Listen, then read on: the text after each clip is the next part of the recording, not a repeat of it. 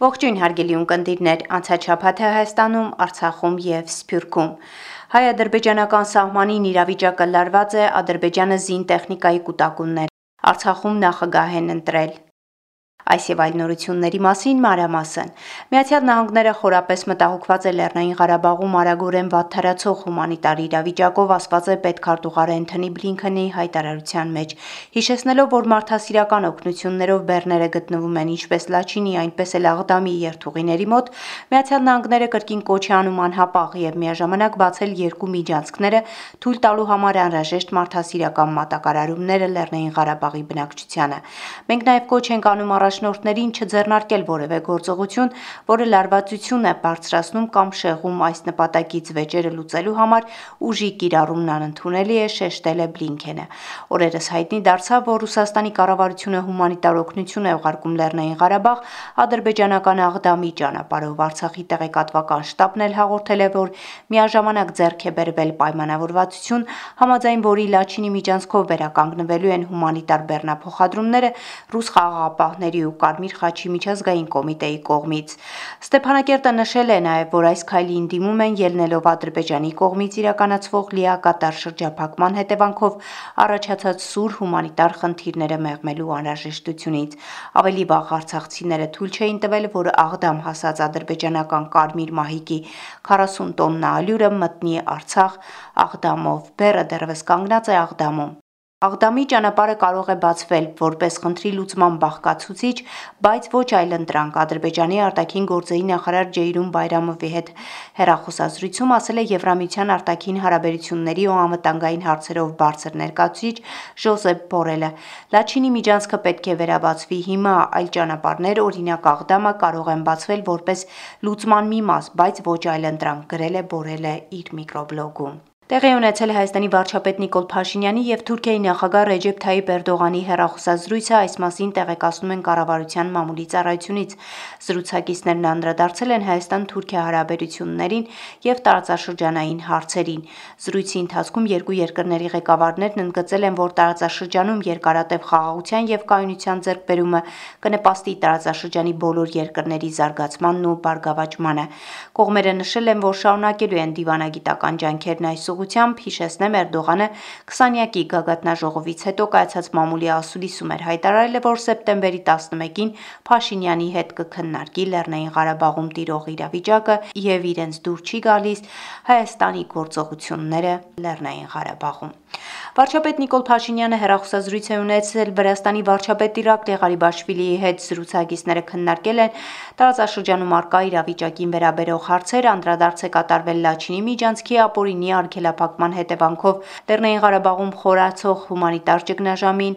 Լեռնային Ղարաբաղի շուրջ ադրբեջանական զորքերի կൂട്ടակմանը Հայաստան-ադրբեջանապետական սահմանին լարվածության աճին։ Վրաստանի վարչապետը հայտնել է, որ պատրաստ է ներդնել անհրաժեշտ ջանքեր ի նպաստ տարածաշրջանում խաղաղության եւ կայունության հաստատման, երկուստեք կարևորվել է խաղաղ բանակցային ճանապարհով արկա հիմնախնդիրների կարգավորումը։ ՄԱԿ-ի անվտանգության խորհրդի երկրները պետք է լրջագույն միջոցներ ձեռնարկեն մեր տարածաշրջանում նոր պայթյունը կանխելու համար, ասել է վարչապետ Նիկոլ Փաշինյանը անդրադառնալով հայ-ադրբեջանական սահմանի եւ Լեռնային Ղարաբաղում շփման գծում աճող լարվածությանը։ Նախորդ շաբաթվա ընթացքում ռազմաքաղաքական իրավիճակը մեր տարածաշրջանում էականորեն սրվել է։ Պատճառն այն է, որ Ադրբեջանը օրեր շարունակ զորքեր է կուտակում Լեռնային Ղարաբաղի շփման գծի եւ Հայաստան-Ադրբեջան սահմանագծի երկայնքով։ Հայաստանի ինքնիշխան տարածքի նկատմամբ ոտնձգությունների քաղաքականությունը շարունակվում է։ Ադրբեջանը շարունակում է ապօրինի արգելափակված պահել Լաչինի միջանցքը։ Հումանիտար ճգնաժամը Լեռնային Ղարաբաղում հասել է գագաթնակետին, ասել է վարչապետը։ Ակնհայտ է, որ Ադրբեջանը այս գործողություններով ի ցույց է դնում ընդդեմ Լեռնային Ղարաբաղի եւ Հայաստանի Հանրապետության նոր ռազմական սադրանք ձեռնարկելու իր մտադրությունը։ Նման սադրանքը հիմնավորելու համար շրջանառության մեջ են դրվում կեղծ եւ իրականությանը չհամապատասխանող թեզեր։ Կարծում եմ իրավիճակն այնպեսին է, որ միջազգային հանրությունը ՄԱԿ-ի անվտանգության խորհրդի անդամ երկրները պետք է լրջագույն միջոցներ ձեռնարկեն մեր տարածաշրջանում նոր պայթյունը կանխելու համար։ Սեպտեմբերի 11-ից մինչև 20-ը Հայաստանում կանցկացվի Արտիվ գործընկեր 2023 հայ-ամերիկյան համատեղ զորավարժությունը, այն արդեն սկսված է։ Այս լուրը, ինչպես որ սպասվում էր, անարձագանք չի մնացել Կրեմլից հայտարարել են, որ հայ-ամերիկյան զորավարժությունները մտահոգության տեղի են տալիս եւ չեն նպաստում տարածաշրջանում լարվածության թուլացմանը։ Իսկ Ռուսաստանի արտգործնախարար Սերգեյ Լավրովը հավելել է, որ իհարկե ոչ մի լավ բան չկա նրանում, որ ՆԱՏՕ-ի ագրեսիվ երկիրը փորձում է ներթափանցել Անդրկովկաս, եւ ես չեմ կարծում, որ դա ինչ որ մեկի համար լավ է այդ թվում հենց Հայաստանի։ Հայկական ղեկավարության գործողությունները ափսոսանք են առաջացնում, ասել է Լավրովը։ Հայաստանն առաջին անգամ հումանիտար օգնություն է ուղարկել Ուկրաինա, որը վարչապետ Փաշինյանի տիկինը Աննա Հակոբյանն է փոխանցել անձամբ։